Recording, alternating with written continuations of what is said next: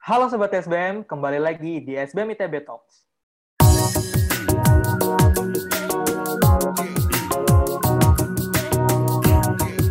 Bersama Rafif dari Manajemen 2021. Pada episode kali ini, SBM ITB Talks akan membahas tentang International Business Student Sharing Series Netherlands, mengenai bagaimana sih pengalaman mahasiswa SBM yang saat ini sedang menjalankan studi di Belanda. Telah hadir bersama kita, sekarang di sini ada Nasya Larasati, ada Munif, ada Alfian Musyafa, dan juga ada Lazu. Halo, apa kabar? Halo. Halo. Baik, alhamdulillah. Baik, baik. Alhamdulillah. Oke, kan sekalian sekarang lagi ada di Groningen nih. Kalau boleh tahu ada di jurusan apa sih? Apakah kalian berempat ini jurusannya sama atau terpisah-pisah jurusannya di Groningen? Sebenarnya ngambil international business. Kalau di Groningen ini emang jurusannya satu, jadi nggak ada spesialisasi kayak marketing, finance gitu-gitu. Jadi cuma satu jurusan. Hmm, berarti kalian berempat berada di jurusan yang sama, dia itu international business ya? Betul. Jadi uh, set course programnya udah di set, di fix. Kenapa sih memilih Groningen? dari dulu emang pengen kuliah di luar sih jadi um, dulu kalau nggak Belanda ya Jerman tapi uh, karena aku udah lama nggak tinggal di Indo jadi pengen nyobain sekolah dulu di Indo. Makanya aku ngambil SBM ITB biar bisa double degree keluar nantinya uh, yang jurusan internasional. Uh, dan kenapa gue specifically pilih Groningen tuh karena ini terkenal uh, kota apa ya city pelajar lah. Kalau dari kalau dari saya sih karena Groningen ini research university ya, jadi secara akademis itu lebih bagus uh, dari mungkin partner-partner SPM lainnya.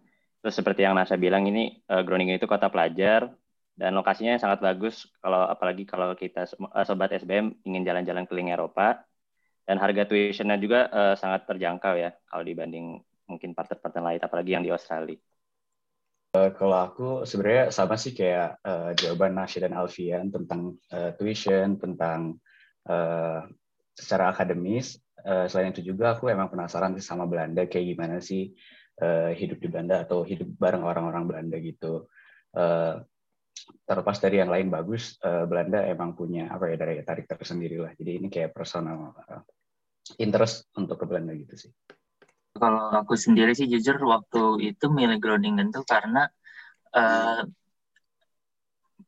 karena awal-awal sih emang pertimbangannya ranking sama popularitas gitu karena emang dari yang aku dengar uh, ITB sama Groningen tuh udah partneran dari dulu banget dan itu emang salah satu partner yang apa yang partner yang emang berkualitasnya ITB jadi itu emang aku milih Groningen gara-gara itu.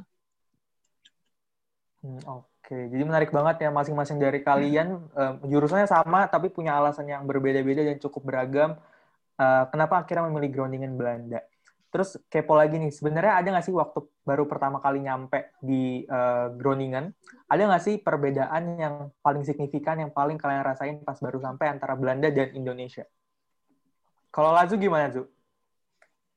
Uh, kalau aku waktu datang ke Belanda itu kan lagi masa pandemik ya, tapi uh, di ground itu sebenarnya nggak begitu nggak begitu orang-orang nggak nggak pada pakai masker. Tapi yang aku uh, rasain sih waktu datang ke sini, mereka benar-benar ngejaga aturannya itu, ngikutin aturannya itu kayak waktu aku naik lift yang harusnya berempat, terus aku nggak sengaja masuk, mereka ngingetin gitu, eh ini nggak boleh, uh, ini harus berempat gitu, kamu keluar gitu. Jadi ya uh, emang aku salah sih aku aku nggak merhatiin itu juga jadi aku keluar lagi dan uh, walaupun di Indonesia waktu itu udah cukup banyak ya kasus COVID ini tapi uh, jujur belum pernah ngerasain diingetin kayak gitu dan di sini senang sih kayak orang peduli kesehatannya dan kesehatan orang lain juga. Oke oke. Kalau Nasya gimana Nasya? Apakah merasakan hal yang sama juga atau punya experience tersendiri nih? Oh ya, aku ngerasain itu juga. Tapi uh, another thing that is different yang uh, yang kelihatan banget tuh I think di sini people value their time uh, very much. Uh, karena kayak di sini apa-apa kamu harus appointment dulu misalnya mau kayak kemarin kita harus ngambil resident card kita, um, kita harus bikin appointment dan harus sesuai appointment ngambilnya apalagi lagi pandemi kayak gini kan jadi kayak harus um, patuh sama aturannya. Jadi dan another contoh apa contohnya tuh juga sama kelas misalnya. Sama kelas dari jam 1 sampai jam 3. Kalau misalnya materinya belum selesai sampai jam 3, ya udah selesai dulu nanti uh, minggu depannya atau next tutorial kelasnya bakal dilanjutin jadi um, nggak apa ya nggak ngulur-ngulur waktu lah itu yang aku lihat di sini they value their time very much mungkin kalau aku lebih ke yang obvious saja ya uh, yang pertama kali datang tuh yang dirasain banget perbedaan cuaca kalau di sini kayak di Belanda in general aja tuh lebih dingin uh, dan berangin kayak di Indonesia yang lembab dan panas. Terus kalau orang-orang tuh uh, pada keluar biasanya mereka pakai sepeda. Jadi sepeda hmm. ini must banget untuk uh, pergi-pergi ke mana-mana. Baik itu jarak dekat atau jarak panjang karena memang Groningen itu uh, sangat cycle friendly ya karena mereka ada lane-nya sendiri untuk naik sepeda. Jadi benar-benar aman dan enak untuk naik sepeda. Kalau dari segi perkuliahan, sistem perkuliahan, terus kayak kegiatan belajar mengajar di kelas itu ada perbedaan gak sih atau sama aja? Atau mungkin teman-teman bisa juga cerita perkuliahan di sana itu kayak gimana sih? Uh, kalau secara teknis ya uh, di spesifik itu kampus kita punya uh, portal sendiri namanya Nestor. Jadi itu enak sih buat kita juga. Jadi semuanya ada di situ. Jadi nggak perlu pakai third party kayak Zoom atau Google Meet jadi secara teknis enak juga sih kita bisa ngeakses informasi dari situ, nilai-nilai dari situ. Kalau misalnya ada meeting juga dari situ juga, mau ngumpulin tugas ke situ juga jadi cuma satu. Itu yang pertama. Yang kedua, kalau sistem sama sih kayak ada lecture, tutorial gitu. Yang paling ketara sih yang kata Nasya tadi, eh, orang-orang ya kalau dua jam belum beres ya udah, eh, karena waktunya udah beres ya udah beres, eh, topik yang masih ada dibahas, dilempar ke sesi selanjutnya. Terus orang-orang pada aktif gitu sih nanya segala macam dan dosennya juga memaksa kita untuk bertanya atau untuk berpartisipasi aktif gitu ya. Misalnya tugas segala macam biar kita benar-benar ngerti gitu sama apa yang disampaikan sama dosennya gitu sih kalau aku yang tangkap ya. Kalau Munif gimana? Ada nggak experience atau pengalaman yang dirasain yang beda pas lagi kuliah di Belanda dibandingin sama kuliah di Indonesia? Kalau aku sendiri jujur yang awalnya kaget dari Belanda tuh uh, cukup berat sih kuliah. Karena uh, kalau aku contohin ya uh, di sini itu ada uh, kita tuh setahun tuh kurang lebih ngambil namanya istilahnya 60 ECTS itu semacam SK, SKS-nya gitu. Dan katanya itu kalau dikonversiin tuh kita harus belajar sekitar 40 jam per minggu. Nah 42 jam per minggu. Tapi nah itu kalau kayak gitu tuh jadi ya jujur aja awal-awal kaget dan emang sebagian besar anak sebenarnya nggak nyampe 42 jam per minggu itu. Nah, tapi balasannya sih bagi aku walaupun kadang-kadang terasa berat, bukannya maksudnya nakut nakutin sobat SBM, tapi uh, walaupun kadang terasa berat, tapi itu sendiri uh, pelajarannya itu seenggaknya sangat terasa ke kitanya juga gitu, ilmunya kepake dan aku jujur kayak banyak ilmu di sini yang benar-benar ya kesehari-hari itu ikut terpikir juga gitu.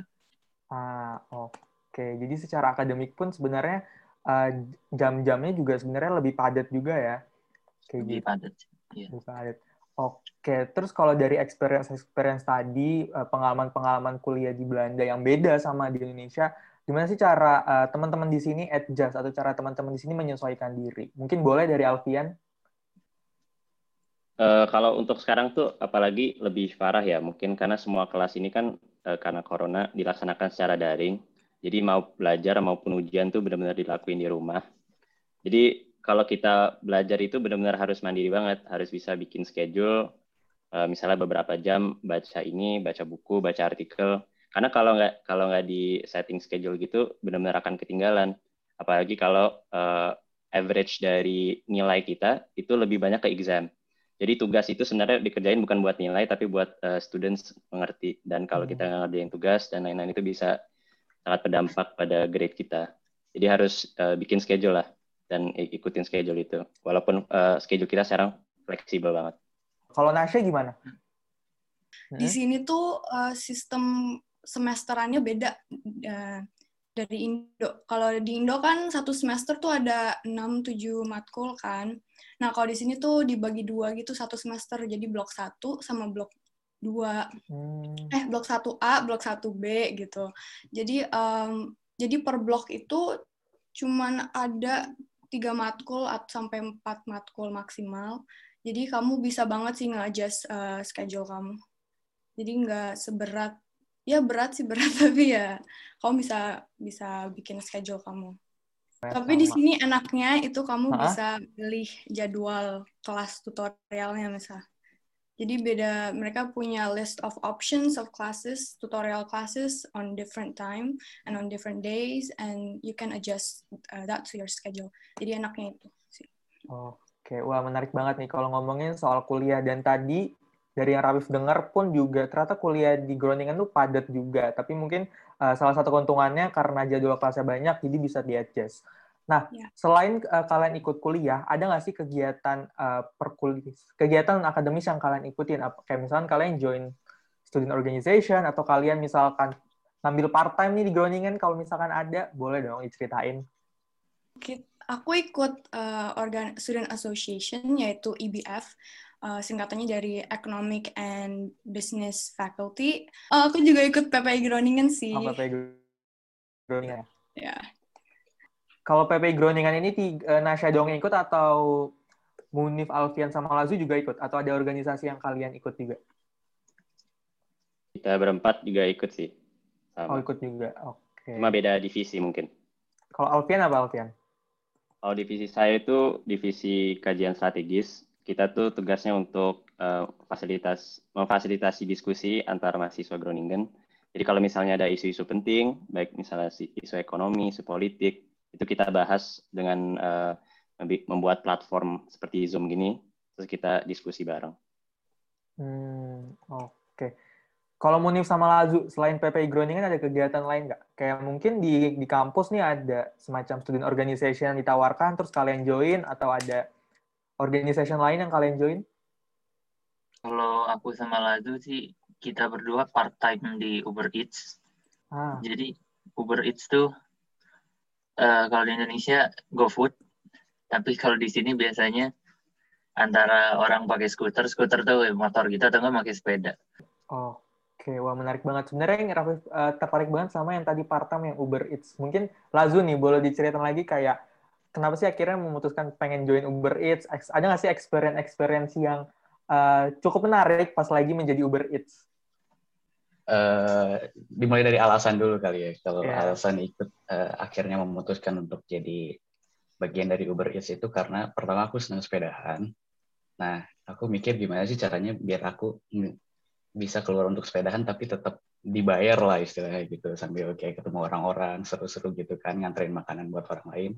Akhirnya ikut Uber Eats juga lumayan juga sih kayak seminggu dua tiga kali uh, bisa buat belanja juga gitu. Terus kalau pengalaman ada sih pengalaman beberapa kali uh, menyangkut keselamatan juga. Karena uh, kan di sini walaupun tadi kata Alfian kita punya jalur sepeda masing-masing tetap aja karena uh, aku nggak terbiasa uh, berkendara di sebelah kanan.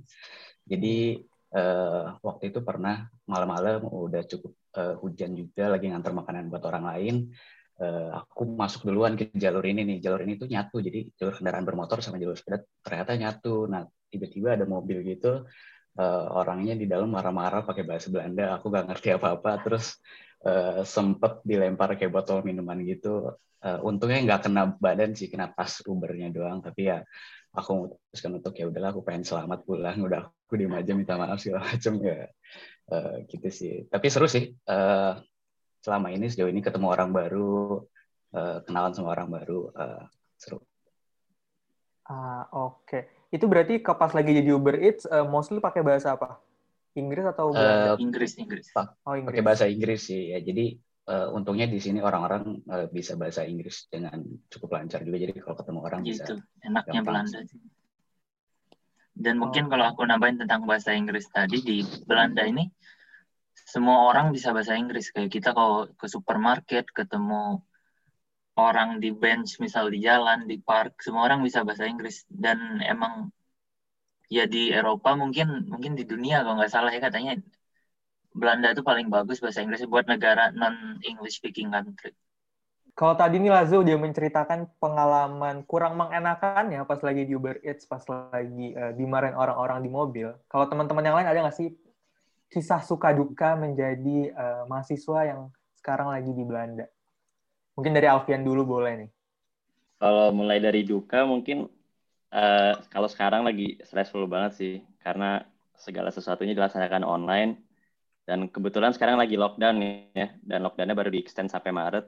Dan itu tuh ada curfew jadi kita jam 9 malam itu harus pulang atau enggak kena fine sebesar 90 euro lah kurang lebih. Jadi harus um, ya itu tadi pertama adjustment gaya belajar cukup sulit uh, buat aku. Um, terus tapi sukanya ya itu tadi ada experience baru suasana baru. Dan dengan challenge-challenge ini ya kayak aku bisa merasain gimana sih rasanya jadi mandiri gitu. Uh, bikin schedule sendiri ngurus ngurusin segala segalanya sendiri. Jadi ya ada plus minusnya lah.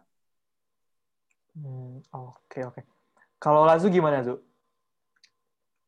Kalau aku dukanya mungkin sama ya sama Alfian. Kita harus bisa ngajas uh, ke gaya belajar yang baru yang lebih cepat, lebih uh, padat lagi daripada SBM. Uh, eh, selain itu juga karena kita belum pernah ngerasain offline, jadi sebenarnya pengen banget nih, pengen banget datang ke kelas, ngerasain belajar ditunjuk dosen langsung depan muka gitu kayak pengen gitu. Uh, tapi sukanya ya itu karena uh, kita di sini ya bisa nge-explore diri sendiri kayak gimana sih sampai mana kita bisa uh, limitnya gitu tuh sampai mana gitu terus bisa bisa belajar masak juga karena aku sebelumnya nggak bisa masak jadi di sini harus masak mau nggak mau ya jadi belajar masak gitu sih mungkin aku mau nambahin lagi sedikit hmm. sukanya tuh karena kita kan uh, mahasiswa Indonesia di Groningen kebetulan ada banyak jadi hmm. komunitas hmm. kita tuh benar-benar well knit banget kalau kita butuh-butuh apa-apa itu tuh ada fase apa PPI Groningen tuh pasti akan memfasilitasi dan kita pun kalau mau belajar itu biasanya belajar bareng dan nggak mungkin jarang sekali uh, belajar sendiri-sendiri. Jadi benar-benar helpful banget kalau kita bisa bikin study group uh, biar lebih ngerti lah intinya. Oke, tapi pernah nggak sih pas kalian misalkan lagi ngumpul-ngumpul sama mahasiswa Indonesia sama misalkan komunitas-komunitas PPI yang tadi itu tiba-tiba kayak mikir ngerasa, duh kayaknya kangen ini deh dari Indonesia. Ada nggak sih hal-hal yang kalian kangenin banget dari Indonesia? Go dari... food. Oh, go food. Kenapa tuh? Bukan di sana dia ada yang Uber Eats juga itu, Nasya? Iya sih, benar. Itu benar sekali. Kamu bisa order sama kayak kamu order GoFood kayak di Indonesia. Tapi uh, bedanya kalau aku personally, aku bakal mikir-mikir lagi sih kalau pesen. First of all, and I think this is the only reason, is mahal. Kayak, kau bakal mikir-mikir sih kayak, um, kamu uh, apa ya, gimana ya? Kamu order sekali bisa buat uh, weekly grocery kamu. Jadi kayak iya, iya. itu ya uangnya yang apa ya, yang kamu keluarin itu bisa kamu buat beli grocery gitu. Oke. Kalau Alvin gimana nih? Apakah kangen makanan yang juga atau justru ada hal-hal lain yang dikangenin dari Indonesia? Sama persis sih, makanan banget yang benar-benar kerasa. Kalau ya itu tadi kalau di Indonesia GoFood tuh gampang banget dan murah. Di sini pun kalau misalnya kita punya uang nih, ya yang dipesan juga menu-menunya kayaknya terbatas ya nggak kayak di Indonesia yang ada macam-macam tadi ayam geprek nasi goreng. Mungkin kalau untuk ngobatin lidah kita lidah orang Indonesia ini mungkin bisa ke toko Asia gitu eh, beli-beli uh, bahan-bahan yang apa bahan-bahan Indonesia. Kan itu biasa ada bumbu-bumbu itu. Nah kita bisa hmm. pakai itu kalau mau masak. Oke. Nah yang Rafif mau kepoin berikutnya adalah sebenarnya apa-apa aja sih yang kalian persiapin untuk bisa double degree di Groningen? Uh, yang pertama yang jelas minimum IP ya. Kalau nggak salah tuh double degree in general aja tuh minimum IP-nya kalau nggak salah tiga. Dan ini berlaku juga untuk uh, University of Groningen. Terus kita juga harus ngurus-ngurus dokumen ya, dokumen-dokumen yang requirement, contohnya transkrip, visa. Kalau visa sendiri itu uh, eh, apa residence permit itu ada yang ngurusin dari fakultasnya. Hmm. Jadi kalau untuk sobat SPM yang pengen apply nggak harus repot-repot banget. Jadi tinggal up, uh, upload-upload gitu di di website, sisanya diurusin dan kita tinggal ngambil aja di embassy nanti kalau udah selesai. Terus yang terakhir yang penting banget tuh mungkin housing ya. Housing itu penting banget karena kalau apalagi kalau udah mulai academic year gitu, biasanya Hunger Games banget, uh, benar-benar cepat penuh. Kita pun uh, uh, saya Lazu Munif itu kan kita uh, sempat ke student housing itu di websitenya itu cepat banget penuh. Jadi satu hari, eh, satu jam baru buka tuh udah mulai penuh. Dan itu benar-benar kayak uh, Hunger Games banget. Dan harganya juga ha ha harus cari yang pas ya. Jadi kalau misalnya nggak mau kemahalan, biasanya harus cari sama yang orang Indonesia. Tapi biasanya student housing itu in general lebih comfortable. Paling aku mau nambahin aja, yang menurut aku pribadi penting itu ada dua yaitu fisik dan mental. Uh, fisik jelas karena di sini beda cuaca kayak tadi udah dimention Alfian sampai mendarat di Amsterdam itu dingin banget beda banget sama Indonesia. Itu jelas apalagi dari di lagi masa pandemi gini kita harus benar-benar perhatiin uh, kesehatan fisik.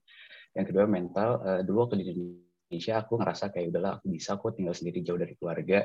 Uh, tapi ternyata mungkin nggak disadarin uh, karena jauh dari keluarga itu semangat belajar aku bisa aja turun atau aku kayak mager gitu uh, itu menurut aku penting sih karena itu nggak segampang yang kita pikirin waktu di Indonesia atau waktu uh, masih bareng keluarga itu menurut aku penting. Oke, nah mungkin ini terakhir juga ada nggak sih kayak semacam closing statement atau pesan dari teman-teman sekarang yang lagi di Groningen buat para sobat SBM yang pengen double degree juga ke Groningen? Uh, kalau dari aku sarannya ya uh, balance your life lah. Jadi maksudnya tahu kapan serius, uh, tahu juga kapan santai, jangan terlalu belajar belajar tapi nggak nggak tahu uh, having fun. Karena kalau misalnya kita terlalu banyak belajar dan not having fun enough, pasti akan stres juga dan akan uh, berdampak pada performa akademik kita. Jadi intinya sersan, serius tapi santai. Menarik, menarik. Kalau Munif gimana nih? Uh, pesan bagi aku sih kalau bagi yang mau milih Groningen, yang aku rasain luas luas banget kesempatan di Groningen ini. Mulai dari PPI-nya yang PPI-nya yang sangat termasuk yang sangat besar di Eropa. Terus uh, orang Indonesia yang banyak banget juga sehingga kita gampang banget mau dibantu ada apa-apa. Dan selain dari itu akademisnya dan residence permit itu setelah lulus bahkan kita bisa dapat kesempatan kerja. Kalau aku kalau dihitung-hitung kita karena sampai Desember 2023 berarti hampir dua tahun setelah lulus kita bisa nyari kerjaan di sini tuh kesempatan yang bagus jadi ya emang banyak kesempatan di sini dan tentu saja itu semua harus dihadapin dengan nyiapin mental juga karena nggak nggak nggak selalu mulus juga jalan. Kalau Lazu gimana Lazu? Uh, kalau dari aku uh, kayak yang udah kami bahas sebelumnya uh, karena mungkin Groningen itu research university harus baca banyak, workloadnya juga gede uh, dokumen yang harus disiapin banyak. Uh, ya jangan malah jadi takut buat sobat-sobat SBM buat ngambil double degree di Groningen karena uh, kayak yang tadi Alfian bilang di sini ada PPI yang siap membantu, ada pihak kampus juga yang siap membantu. Pihak kampus juga nggak tinggal diem gitu aja karena individualis gitu enggak kok kita uh, dibantu juga kayak jadwal disediain segala macam. Uh, ya pokok intinya kalau disiapin dengan benar pasti bisa kok. Gitu. Kalau Nasya? Aku kayaknya cuma mau nambahin enjoy the process aja sih. Itu doang menurut aku. Kayak ya bakal ada up and down-nya, tapi itu you'll get through it. So enjoy the process while you're here. Oke. Okay.